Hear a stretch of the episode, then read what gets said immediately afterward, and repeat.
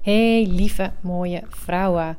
Nou, podcast. Het is weer lekker weekend en altijd weer podcasttijd. Vind ik altijd een hele fijne dagen ze op te nemen. En voel ik ook altijd wat meer ruimte, uh, wat meer inspiratie en rust om te delen. En uh, nou ja, nogmaals, heel fijn hoe jullie allemaal reageren op de podcast. Uh, hoe jullie ze warm omarmen, zeg maar. En ik altijd heel veel leuke reacties krijg. Ook vrouwen die ik inmiddels coach.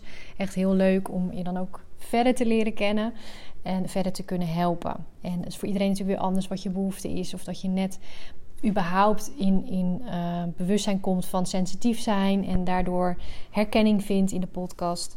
En uh, ja, of al wat verder ermee wil, echt de diepte mee wil of tegen dingen aanloopt, dan, uh, dan is het ook helemaal leuk als je, als je doorstroomt naar een coach, naar meer coach-trajecten. maar überhaupt leuk om altijd die reacties te krijgen en dat ze warm ontvangen worden. Dan weet ik ook waar ik het voor doe. Dan krijg ik. ik deed al met veel enthousiasme, maar dat blijf ik ook zeker doen. Nou ja, in deze podcast aandacht weer even tijd geleden voor de kinderen. Um, en dat blijft natuurlijk een heel belangrijk onderwerp. Ook als ik naar mezelf kijk als moeder van twee dochters. Um, ja, dat, dat blijft aanwezig en is, is gewoon een, uh, een, mooie, een mooie rol die we hebben. Een mooie klus die we hebben. Maar is ook fijn om daar af en toe wat uh, tips in te krijgen. Wat inzicht in te krijgen. En de ingang die ik deze, voor deze podcast had, was dat, we, dat het onze spiegels zijn. Hoor ik ook vaak terug uh, als ik een vrouw in gesprek ben. Dat... Um, ja, het, meeste van de tijd het gewoon helemaal prima en geweldig is. Alleen dat de kinderen wel echt enorm spiegels zijn en ons daarom ook kunnen triggeren. ze kunnen ons, en misschien herken je dat ook wel, waarschijnlijk wel, dus echt op knoppen kunnen drukken. En dan kan het ene kind dat nog meer dan de ander. En vaak als het dat wat meer gebeurt, is dat dat kindje iets wil laten zien. En daar wil ik deze podcast over opnemen. Een beetje aan de ode aan dat kind. Aan het kind wat jou wakker wil maken. Want dat is vaak wat voor rol het kind dan heeft. Om bij jou hè, is niet voor niks bij jou ook geboren. Is vaak, als je het spiritueel bekijkt, een keuze geweest van het kind zelf en van jou. Um, dus als je weer in een boze bui bent of denkt: ah, waarom raakt hij me zo? Of waarom luistert hij niet?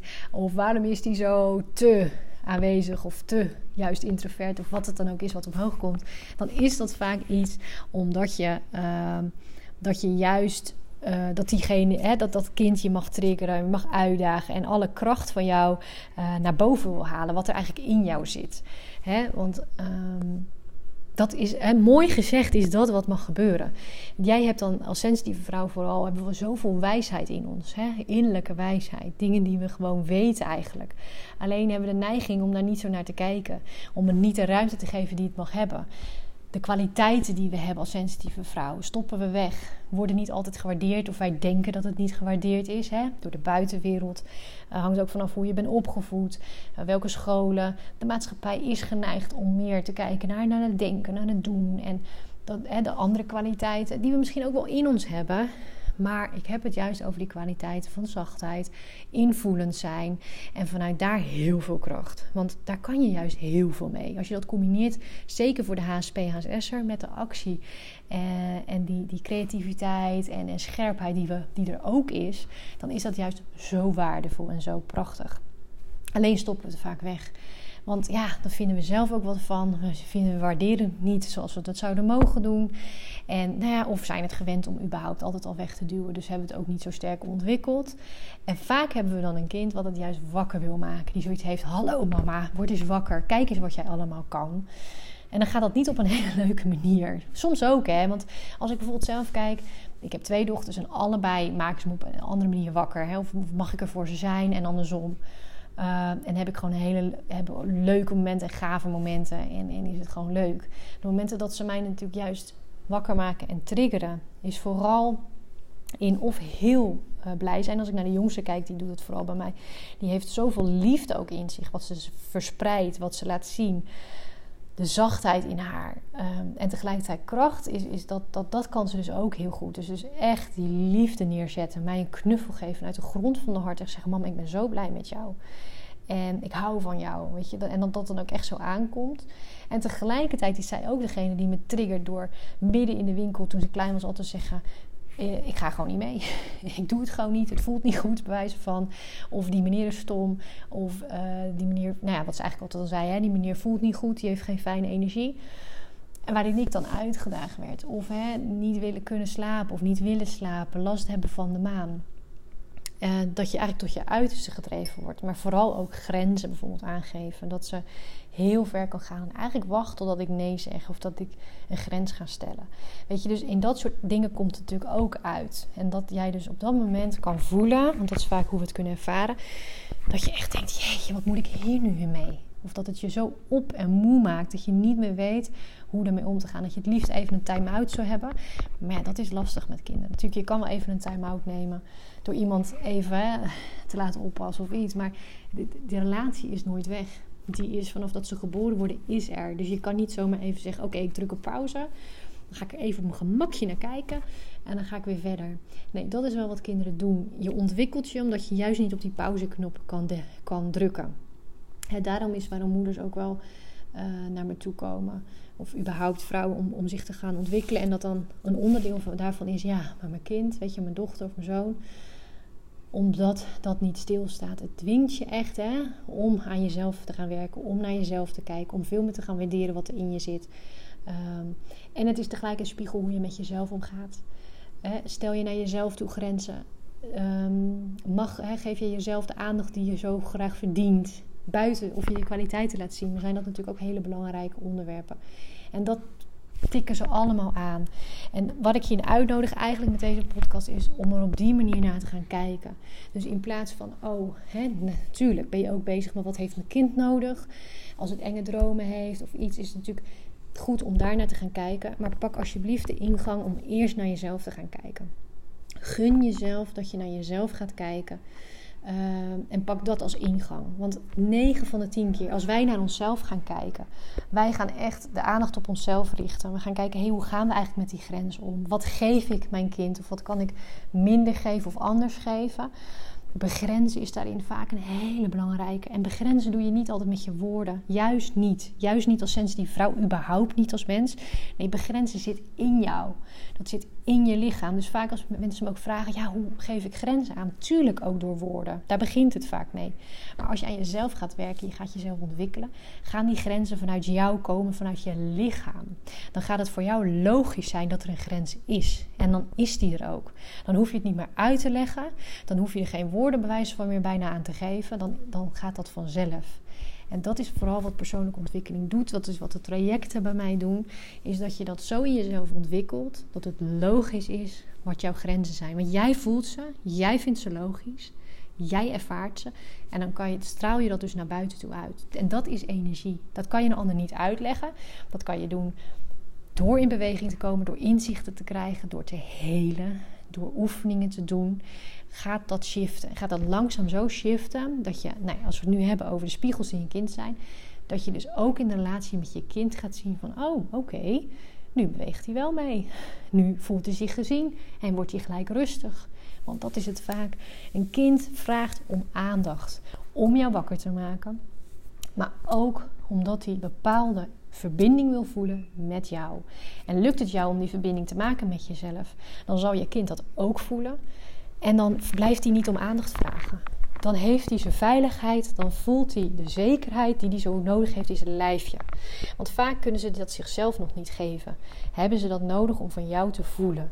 Zeker als je hè, van 0 tot 7 jaar, ik heb al vaker gezegd, dan zitten ze nog soort van in jou. Ja, in je gronding, hoe je het ook moet noemen. Dus ze voelen letterlijk met jou mee. En als zij dus onrustig worden, vaak zegt dat dan ook iets over jou dan heb jij jezelf iets te geven. En op het moment dat je dat doet, voelen zij dat ook.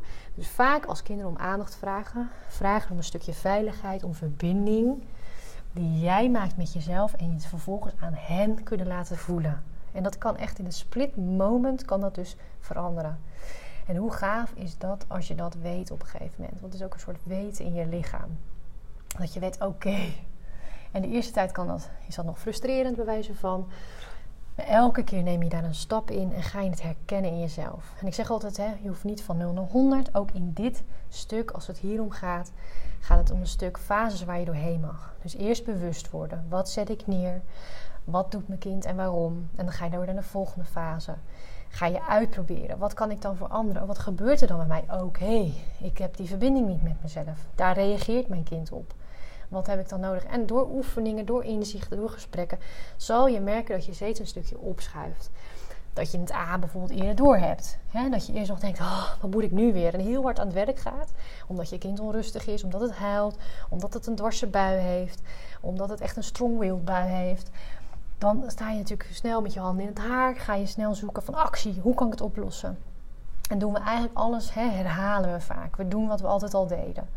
Nou, als je op een gegeven moment dat weet stop te zetten, durft stop te zetten en te zeggen: Oké, ik weet het gewoon even niet. Weet je, ik ben in de, inmiddels bewust dat dit niet werkt en dat het voornamelijk te maken heeft met ook de verbinding die ik met mezelf heb, hoe ik mijn grenzen stel, hoe ik, wat ik nu zeg. En dan is een eerste stap. Dan ga je uitproberen, wat kan ik dan nu wel doen? Hoe voelt het nu in mijn lichaam? Wat had ik ook weer als tip meegekregen? Oké, dan ga ik dat uitproberen. En dan zal je zien dat je stap voor stap, door jezelf te gunnen het anders te gaan doen, door jezelf ruimte te geven, te gaan ervaren, zal je merken dat jij rustiger wordt in je lichaam, in je moeder zijn. En dan ga je dat ook overbrengen op je kind. En dan wordt een hele mooie wisselwerking. Dat betekent niet dat er nooit meer uitdagingen zijn, maar dat vooral jij er anders mee omgaat. Dus jij weet hoe je kan doen.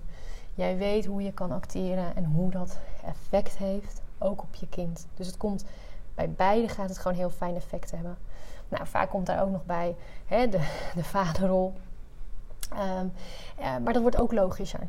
Er komt veel meer evenwicht in het systeem, zoals we dat dan mooi zeggen. Hè? Dus systemisch coachen komt natuurlijk ook mooi dat je kijkt bijvoorbeeld het gezin. Welke kinderen zijn er nog meer? Soms is het nodig om wat verder te kijken dan dat. Maar kijken van, hé, hey, wat speelt er nog meer? Wie vraagt er om aandacht in het systeem? Wie wil er nog meer gehoord of gezien worden en waarom? En Weet je, dat is van een afstandje. Ik zei aan het begin hè, van je kan dingen niet op pauze zetten. Dat klopt. Maar door bijvoorbeeld ehm, in de sessies die ik heb met vrouwen het wel even op die manier op pauze te zetten, kan je overzicht krijgen. Snap je waarom die sommige dingen gebeuren? En dat geeft al zoveel ruimte om het anders te gaan doen. Want als jij eenmaal toe bent aan hulpvragen, begeleiding, ehm, dat je bereid bent om naar jezelf te gaan kijken en je te ontwikkelen, Weet je, dat is de helft. Dat maakt dat er opening komt in het hele systeem. Weet je, we vergeten vaak dat we als moeder zo'n belangrijke rol hebben. Uh, en daarmee voelen we vaak een last, hè? want er moet veel bij ons vandaan komen, een actie. En, en, maar we vergeten dat het makkelijker kan, moeitelozer. Maar ook dat dus de impact op een andere manier uh, ook gemaakt kan worden. Wij kunnen ook die impact maken door Ehm, aan onszelf te gaan werken. Dat anders te gaan doen. Dat heeft al invloed op al je kinderen. Maar ook de relatie met je man, met je partner. Dat doet dat allemaal. En dat is wat ik zelf bijvoorbeeld heel gaaf vind om ook over te brengen. Is ga dus zien wat voor impact je kan maken. Hoe, hoe fijn is dat? Hoe gaaf is dat? Dat door jou juist en niet te zien als slachtoffer. Van kijk, nu ben ik moeder en het moet bij mij vandaan komen. En ehm, ik moet het allemaal doen en de last dragen. Nee. Zie je het juist ook echt als iets waardevols. Van hé, hey, ja, wat cool. Ik heb nou even, hè, ik heb de moederrol.